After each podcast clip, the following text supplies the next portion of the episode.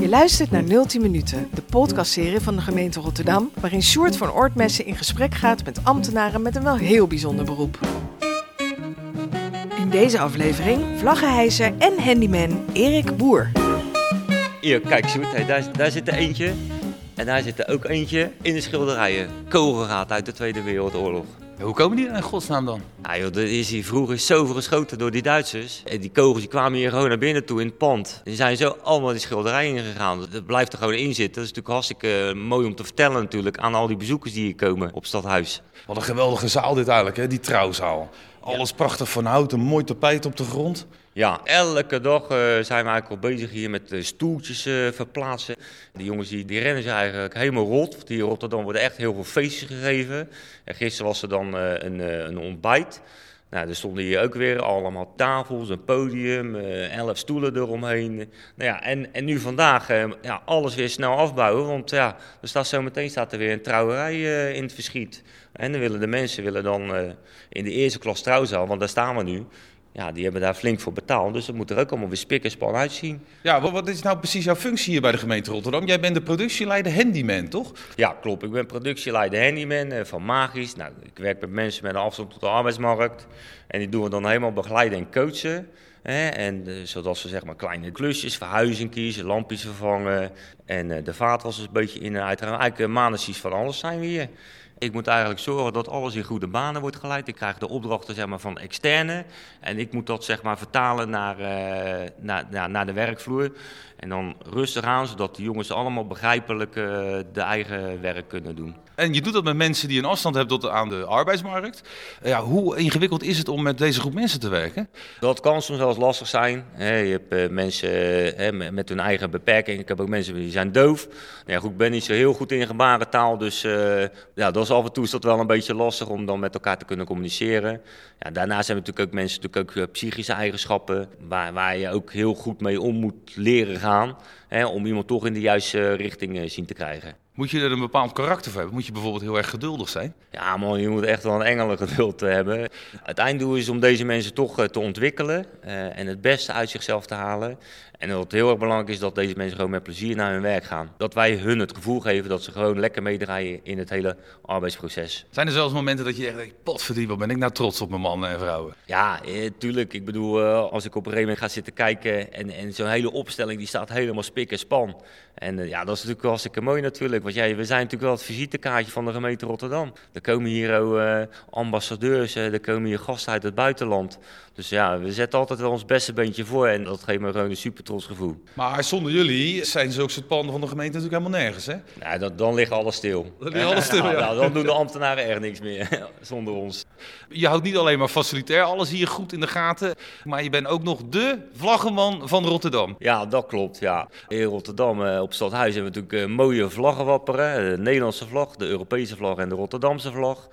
Ja, als er knetterhard stormen zoals afgelopen week, ja, dan, uh, dan moeten die vlaggen er weer worden afgehaald. Anders zouden ze kapot wapperen hier op het stadhuis. Dus ja, dan word ik ingeschakeld om dat te komen doen. Gelukkig, godzijdank is het alweer lang geleden dat er een aanslag is gepleegd. Maar ook dan uh, wordt uh, van ons wel verwacht dat we dan ook de vlag half stok hangen van het desbetreffende land waar de aanslag is gepleegd. Nou is het natuurlijk de vraag, waar liggen de vlaggen verstopt in dit prachtige pand? Ja, dan moet ik je toch echt meenemen naar de basement, helemaal onderin in het stadhuis. En daar hebben we de vlaggenbunker en daar gaan we dan uh, zo meteen naartoe. Gaan we hier naar rechts? Nou lopen we onder het stadhuis door. In de kelder. En dit is wel leuk om te zien ook. Kijk, verboden te roken met dubbel O. Zo schreven ze dat vroeger. Nou, we gaan nu uh, een of andere bunker in, hè?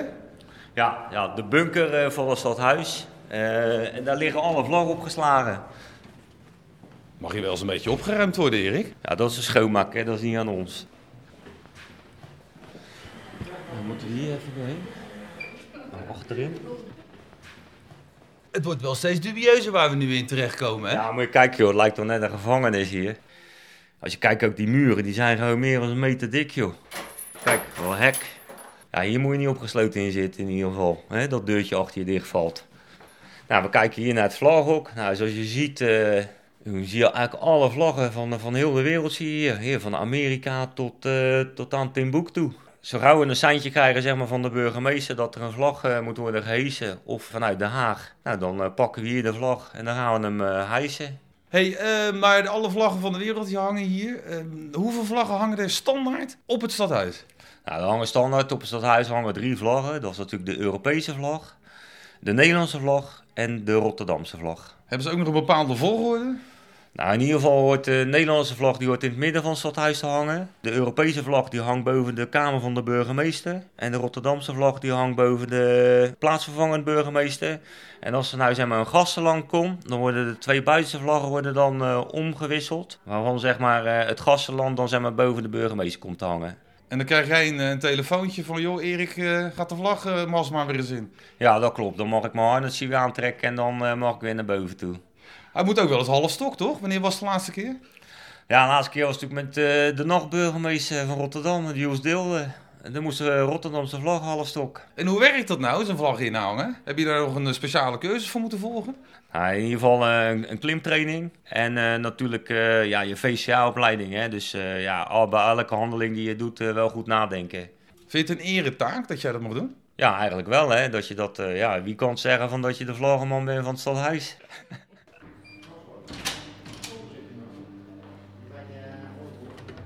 Maar hoe ga je nou met zo'n doosje zo'n steile trap op? Want die, die vlag mag de grond natuurlijk niet raken. Ja, die haal ik eruit. Zo. Ik ga niet met dat doosje onder mijn arm lopen. Dat, dat gaat niet worden. Nee, ik heb hier gewoon mijn harnas, die trek ik als eerst aan. En die vlag die hang ik gewoon over mijn schouders. Belangrijk dat dit niet de grond raakt. Nee, ik ben 1,85, dus moet er raar lopen dan. Mag de vlag de grond niet raken? Nee, dat mag niet. Hè. Dat is protocol. Dat is verboden? Dat is verboden. Hey, en nu lopen we eventjes verder door de gangen van het stadhuis. En, uh, wat is dit dan uh, hier? Ja, dit is, dit is wel leuk. Hier heb ik ook een medewerker. Dat is uh, Hans. Hans is bij onze technische man. Dus we kunnen even een bezoekje brengen bij hem. Hey Hans. Hans, collega van je? Ja, Hans, medewerker. Dat is eigenlijk onze technische man hier in het stadhuis. En aan hem zijn die klussen allemaal wel toevertrouwd. Spannend. Hey, wat hebben we nog meer hier in de werkplaats? Wat, wat, wat maken jullie allemaal? Nou, we maken hier eigenlijk van alles. Hè? Dus uh, eigenlijk een dingetje wat, wat kapot is, dat, dat wordt hier dan in de werkbanken, kunnen we dat dan repareren. Tafels, uh, zo'n tafelpoot eraf leggen of leggen een stoelpoot uh, ligt eraf. Nou, dat gaan we dan hier even fixen. Hier hebben we ook allerlei materialen en onderdeeltjes liggen. Allemaal hier, allemaal stukken, stukken blik en metaal. Ja, daar worden allemaal weer dingetjes van gemaakt. Ja, er gaat natuurlijk binnen het stadhuis om de havenklap iets kapot. Ja, altijd. Ja, altijd gaat er wel wat kapot. Wat staat er vandaag op het programma om mee te maken? Drie bureaus instellen op hoogte, 70 centimeter. En uh, ja, diverse lampen vervangen. Nou, zo ben je dus de hele dag wel bezig. Die jongens wel, ja. En ik moet het allemaal controleren. Maar dat is jij wel toevertrouwd, toch? Dat is mij wel toevertrouwd. Nee, dat komt allemaal goed. Nou, zullen we naar boven gaan, Erik? Ja, kom, dan gaan we zoet naar boven. We gaan naar de vlaggen.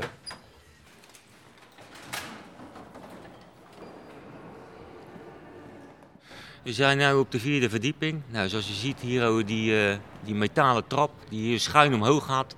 En dan daar weer een tweede trap die dan 12 meter rechtstandig omhoog gaat. Nou, je moet je bedenken, daar zitten dan twee luikjes, daar moet je dan weer doorheen. En als je dan uit die luikjes komt, dan kom je in een klein torentje. En uh, daar gaat het dan gebeuren. Daar, uh, daar, daar, gaan we dan de vlag hijsen. Ik zit er nu zo naar te kijken. Het is echt stijl en het is vreselijk hoog. Uh, hoe lang ben je bezig om zo'n vlaggetje erin te hangen? Dat is dan hopelijk in jouw geval snel gebeurd, of niet? Kijk, je hebt natuurlijk je klimmaterialen. Hè, dus je gaat eerst zorgen voor je eigen veiligheid. Dus je klimmaterialen goed controleren. En zoals je ziet, er lopen daar ook veiligheidsrails lopen er ook doorheen. Dus echt naar beneden vallen, dat, dat gaat hem niet worden. Ik heb geen hoogtevrees, maar uh, ik kan me voorstellen dat zoals jij, hè, dat je zegt van ik heb hoogtevrees, ja, dat het dan uh, dun door de broek heen gaat. Maar al met al ben je toch wel een uur bezig met dat vlaggen. En als je nou zo'n vlag in de nok hijst, hè, wat voor gevoel krijg je daar nou bij? Ja, in het begin natuurlijk wel onwijs kicken natuurlijk. Want je kijkt uit over heel die stad, joh, over heel die Koolsingel. Je hebt nog een betere plek als dat uh, de Feyenoord voetballers op het balkon staan. En van welke vlag gaat jouw hart nou even ietsje sneller kloppen? Ja, van de Rotterdamse vlag natuurlijk. Groen, wit, groen. Volgende keer in Multiminuten. Ik kan me één keer herinneren dat het fout is gegaan. En dat is twaalf jaar geleden gebeurd.